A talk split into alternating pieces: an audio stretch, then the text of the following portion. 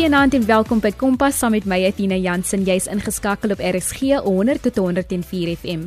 Vanaand se onderwerp lê baie na my hart en breek dit terselfdertyd.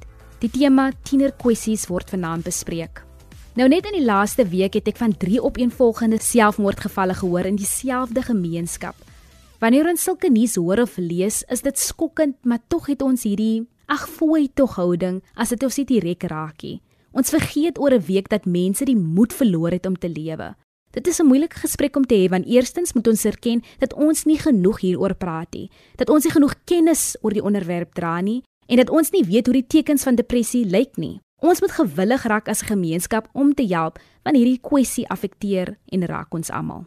Elisna Kelly, opvoedkundige sielkundige, sluit by ons aan uit Pretoria. Sy gesels oor die statistiek van selfmoord in Suid-Afrika, die verskillende faktore wat bydra tot depressie onder leerders en hoe die tekens lyk van iemand wat hulp benodig. En natuurlik hoe ons kan help. Ilisna, wat is die statistiek van selfmoord onder jong mense in Suid-Afrika? Baie interessant dat wanneer jy na statistieke gaan kyk wat in onlangse navorsingsjoernale gepubliseer is, pleeg die meeste tieners in ons land tussen Desember en Januarie selfmoord. Die grootste gevalle hiervan vind in die Wes-Kaap plaas, gevolg deur die Oos-Kaap en kort op sy hake die Vrystaat. In die Wes-Kaap sien ons dat dit die geval is met 16% aantal tienerdode wat toegewy kan word of gesien kan word as selfmoord wat die rede daarvoor was. Die Oos-Kaap volg met net onder 14% en die Vrystaat 12%. Nou onlangs het dit meer as ooit vir ons kommerwekkend geword want in Desember het Zweli Mkhize ook aangedui dat die meeste gevalle van die tweede vlaag van COVID onder tieners was. En as mens daardie verband vat en ook die verband vat dat gewoonlik is dit die tendens dat tussen Desember en Januarie tieners selfmoord pleeg, het COVID ook 'n baie groot risiko gebring. U sien, almal van ons word op 'n manier belemmer, beperk om sosiaal te verkeer. En dis 'n baie groot behoefte van 'n adolessent of 'n tiener om sosiaal te kan verkeer. Wanneer ons dan nie net na die top 3 provinsies of ongelukkig die provinsies waar die meeste selfmoord voorkom in ons land kyk nie, maar ons kyk as 'n gemiddeld na ons land en die die hoeveelheid tienerdode wat ons dan kan toeskryf aan selfmoord, sê Life se mental health groep dat dit 9.5% is. Hulle noem ook dat daardie leier of daardie tiener wat 'n tendens het om hulle eie lewe te neem of reeds daarin geslaag het ongelukkig, dan reeds aan 'n familielid of 'n vriend bekend gemaak het dat dit hulle intensie is om dit wel te doen. Die ouderdomme wat die meeste geraak word is tussen 10 en 19 jaar oud en ons sien dat dames baie meer geneig is om hulle eie lewens te neem. Life gaan so ver en hulle bevestig dat 'n derde van al hulle hospitaalopnames dan is as gevolg van 'n tiener wat probeer selfmoord pleeg het. Maar wat is hierdie dreigemente en wat sê leerders? Hoe weet ons hulle gaan regtig dan selfmoord pleeg of wanneer moet ons dit ernstig opneem? Healthline.com noem dat enige bedreiging of enige kommentaar dat ek gaan nou my eie lewe neem of enige teruggetrokkenheid waar 'n leier dalk werklik 'n ekstrovert was, dramatiese gemoedsveranderinge. Wanneer iemand meer skryf, meer praat of meer dink oor die dood of die teenoorgestelde, sowel as enige impulsiewe of riskante gedrag, enige aggressiwiteit en ook wanneer hulle alreeds betrokke was op 'n tyd of nog steeds is by alkohol of enige dwelmsubstansie gebruik, kan 'n ouer weet dat hulle leier of hulle kind is 'n baie groot risiko vir selfmoord volgens statistiek in Suid-Afrika. As daar dan 75% van leerders aangedui het dat hulle wel nie intensie het of dan gaan hulle eie lewe geneem het alreeds. Wat is die risikofaktore? Wat moet ons begin sien? Hoe kan ons verby die verblindingsfaktore kyk en beginne raak sien wanneer 'n leier sukkel. Een van die belangrikste risikofaktore is dat die teenwoordigheid van een of ander kopsiekte veral depressie teenwoordig sal wees. Dis ook so dat leerders wat ongelukkig verslaaf is aan alkohol of ander substansies ook 'n groot risiko het. Enige ander vorige selfmoordneigings of gevalle wat suksesvol was in die familie sal ook dan bydra dat 'n leier ook kan voel dat dit die pad uit is. Enige familiekonflikte en veral finansiële probleme ook soveel meer na COVID word ook as 'n risikofaktor aangedui. Enige blootstelling aan familiegeweld of trauma en ook kindermishandeling of seksuele mishandeling wat nie hanteer is nie of nie verwerk is nie, nie gerapporteer is nie, word ook aangedui as 'n risikofaktor. Baie tieners neem ongelukkig hulle eie lewe as gevolg van verhoudingsprobleme met 'n maat of iemand waarmee hulle ruk in 'n verhouding gestaan het en waar hulle baie verlief was en glad nie die opbreek en die verwerping van so 'n opbreek kan hanteer nie. Ook waar ouers dan geskei is of daar konflik tussen ouers is soos 'n tougetrekkery, is dit ook so dat leerders meer geneig sal wees om selfmoord te pleeg. Enige verwerping deur vriende, boelie en enige ander kiberboelie, skolastiese of akademiese probleme en waar leerders oorkompenseer vir enige probleem, sal ons vind dat hulle meer geneig gaan wees om selfmoord te pleeg. Life waarsku dat alle alle alle dreigemente van selfmoord moet ernstig opgeneem word. En hulle noem dat leerders al doen hulle dit dan om aandag meer as enigiets anders te probeer werf alreeds die saad geplant het en dit te enige tyd kan water kry. Jy is ingeskakel op Kompas met Athena Jansen. Ons gesels met Elis Nakili oor die tiener kwessies, meer spesifiek selfmoord onder jong mense en hoe ons dit kan voorkom. Hier is voorbeelde van leerders wat hulle sê en ook watter gedrag hulle tentoongestel het wanneer hulle 'n risiko geword het of 'n slagoffer vir selfmoord. Wanneer hulle gesels oor gevoelens van hooploosheid dat hulle vasgevang voel of alleen. Wanneer hulle sê daar's geen rede vir hulle om verder aan te leef nie wanneer hulle testament maak of van hulle persoonlike items begin weggee.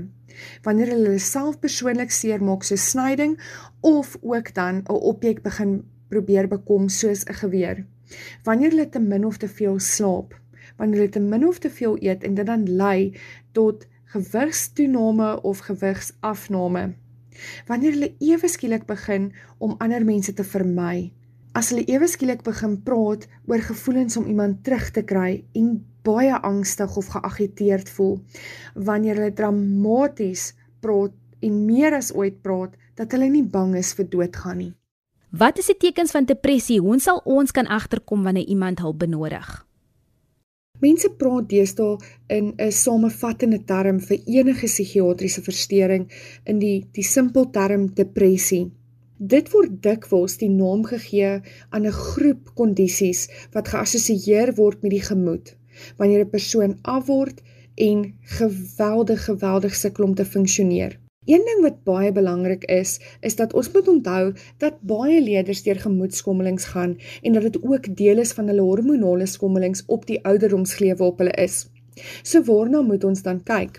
Kom ons kyk eers na watter kopsiektes of psigiatriese siektes baie onder ons tieners in Suid-Afrika dan aangemeld word en wat ons ook dikwels in die klaskamer sien onder kinders, kliniese depressie.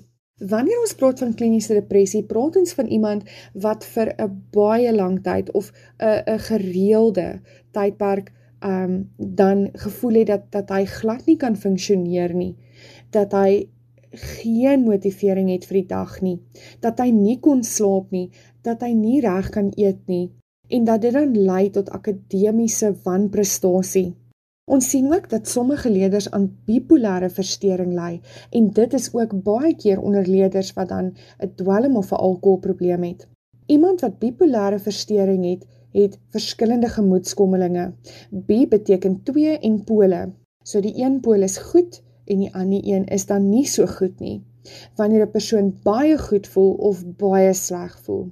In hierdie gevalle waar dit regtig baie erg is, kan so 'n student of 'n leerder ook kontak met realiteit tydelik verloor wanneer hulle psigoties raak. Ons sien ook dat baie van die leerders ook 'n tipe van 'n dwelm psigose ingaan wanneer hulle of oorgebruik het of te veel gebruik het, as ek dit so kan stel, of dan van 'n haai, 'n hoogte afkom of vir 'n tydperk nie gebruik het nie. U sien Al hierdie psigiatriese versteurings word gelei deur wanbalanse in die brein. In die sentrum in die brein praat ons van die hypothalamus. En hier praat ons van neurooordraghormone. Ons praat van serotonien, ons praat van GABA, ons praat van dopamien en so meer.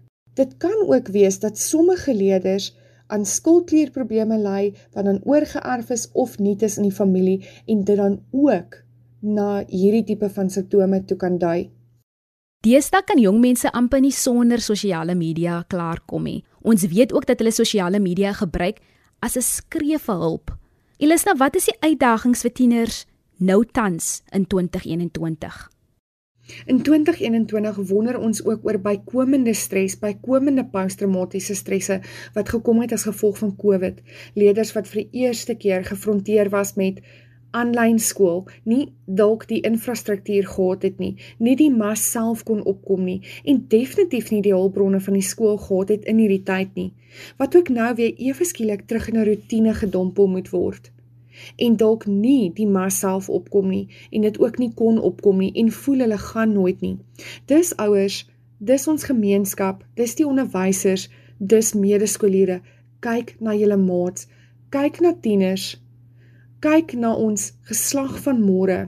Hou julle oë en ore dop en as jy enigsins dink dat iemand moontlik kan selfmoord pleeg, asseblief neem hulle ernstig op. Al is dit dan dat hulle dalk nie tendens gehad het nie en wel manipuleer, kan die psigiater dan kyk na sekere persoonlikheidsversteurings wat ook na gebroke verhoudings gaan lei en dan ook reeds 'n ander reeks kopsiektes tendens gaan hê. Netterloops in Amerika is my maand geestestoestand bewustheidsmaand. In Suid-Afrika val dit in Oktober maand. Organisasies neem dan die geleentheid om mense meer bewus te maak van geestestoestande en hoe 'n mens persone wat daaraan ly kan verstaan en ook sodoende ondersteun. Nou ek dink dit is 'n gesprek wat reg deur die jaar gehou moet word, want ons lewende tyd wat die uitkoms vir mense in sekere omstandighede onmoontlik lyk. Ons het ook gehoor dat daar verskillende redes en faktore bydra tot selfmoord onder jong mense. Die tyd het al te ver gevorder vir ons om nie die tekens raak te sien nie. Dan is die vraag dan, hoe help ons as gemeenskap, as vriend of vriendin, ma of pa om selfmoord onder jong mense te voorkom?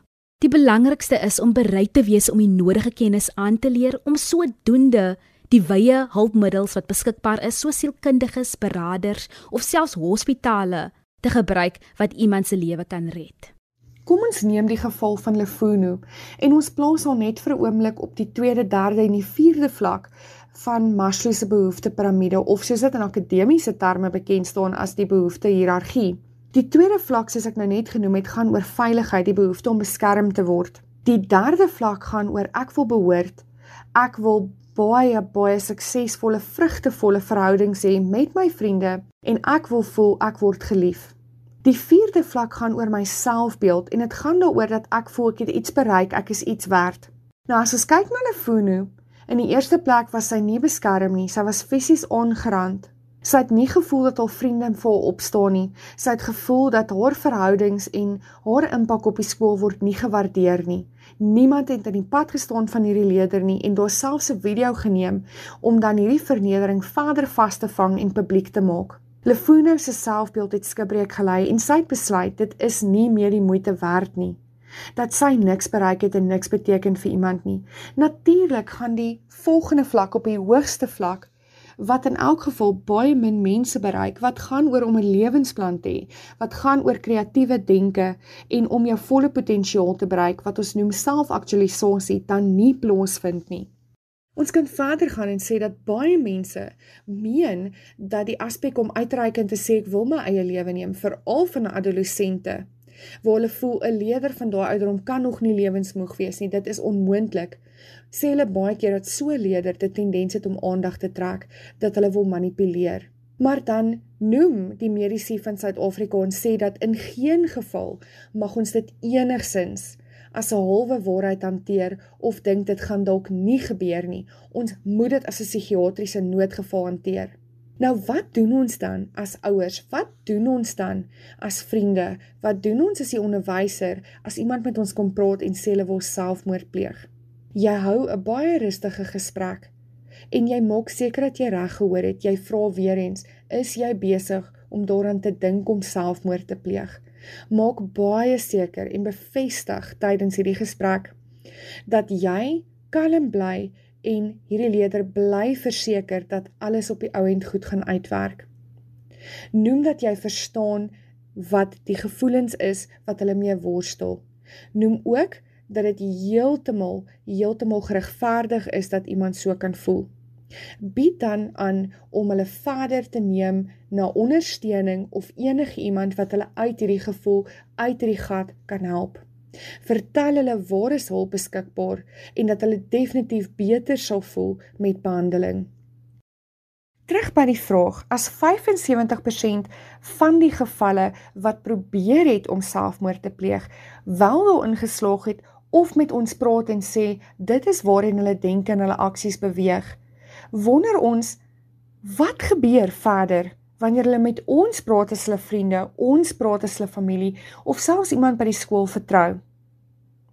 Ons dink dadelik aan tradisie en kultuur wat 'n groot rol in Suid-Afrika speel wanneer dit kom by die behandeling van hierdie tipe psigiatriese versteurings. Ons dink aan geloof, ons dink aan konservatiewe of ortodokse tradisies waar chemiese behandeling van psigiatriese versteuring nog 'n stigma aan het en wyd veroordeel word, ook veral as 'n leier nog besig is om te ontwikkel en in hulle adolessensie is. Baie mense glo ook dat kopsiektes 'n klug is en veroordeel die totstandkoming daarvan of maak dit af as 'n baie klein probleem. En dis een van die groot krisispunte of kwelpunte wat ons mediese in Suid-Afrika dan in die gesig staar. Ons sou nog heelwat kon gesels oor hierdie onderwerp, maar ongelukkig het ons nie die tyd om hierdie onderwerp deeglik te dissekteer in terme van mediese statistieke en siektes en bydraende faktore nie, maar op die laaste punt wat ek gemaak het oor COVID en die effek wat dit skolasties op leerders gehad het, dit wat dit geverg het van hulle, moet ons ook dink aan leerders met leerprobleme, die wat reeds sukkel met dyskalkula, met disleksie, autisme en ADHD en hoe hierdie ekstra ekstra bagasie wat COVID gebring het met aanlyn skool, die terugkomende rotine dan ook op hierdie tipe leerders sou hê. Gaan gerus na die webtuiste sadag.org. Hier is vir die leerders sowel as professionele entiteite en ook ouers is hier meer as een instrument en ook 'n brosjure oor elke aspek wat ons vanaand van gepraat het. Leerders, daar is 'n Kipla WhatsApp lyn waarop jy dan vir verminderde koste kan gesels met Sadak, sou jy hierdie probleme in die gesig staar. Hulle is by 076 882 2775. Ek herhaal 076 882 2775. Die selfmoordkrisislyn is 0800 567 567 en vir die wat dan nie voel hulle is op die punt van selfmoord nie, maar wat definitief met kopsiektes worstel en nie die infrastruktuur of hulp het wat hulle graag sou wil hê nie, gaan na 011 234 4837. Dit is Sadak se mental health line. Wanneer daar probleme by die huis is of enige enige trauma wat gebeur het, kan die polisie en trauma lyn geskakel word by 0800 20 50 26. Die ADHD hulplyn is 0800 55 44 33.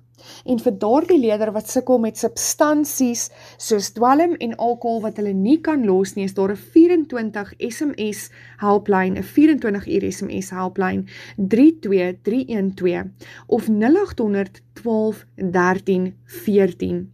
'n moeilike maar 'n nodige gesprek. Ek wil jou uitdaag om hierdie week iemand se dag spesiaal te maak. Of jy dit nou doen deur 'n simpel glimlag, vir iemand te sê wat hulle vir jou beteken, te komplimenteer of net om 'n oor te wees wat luister, lig iemand se gemoedstoestand op nes jy kan. Aan ons jong mense, seuns en dogters, jou storie is nie klaar nie.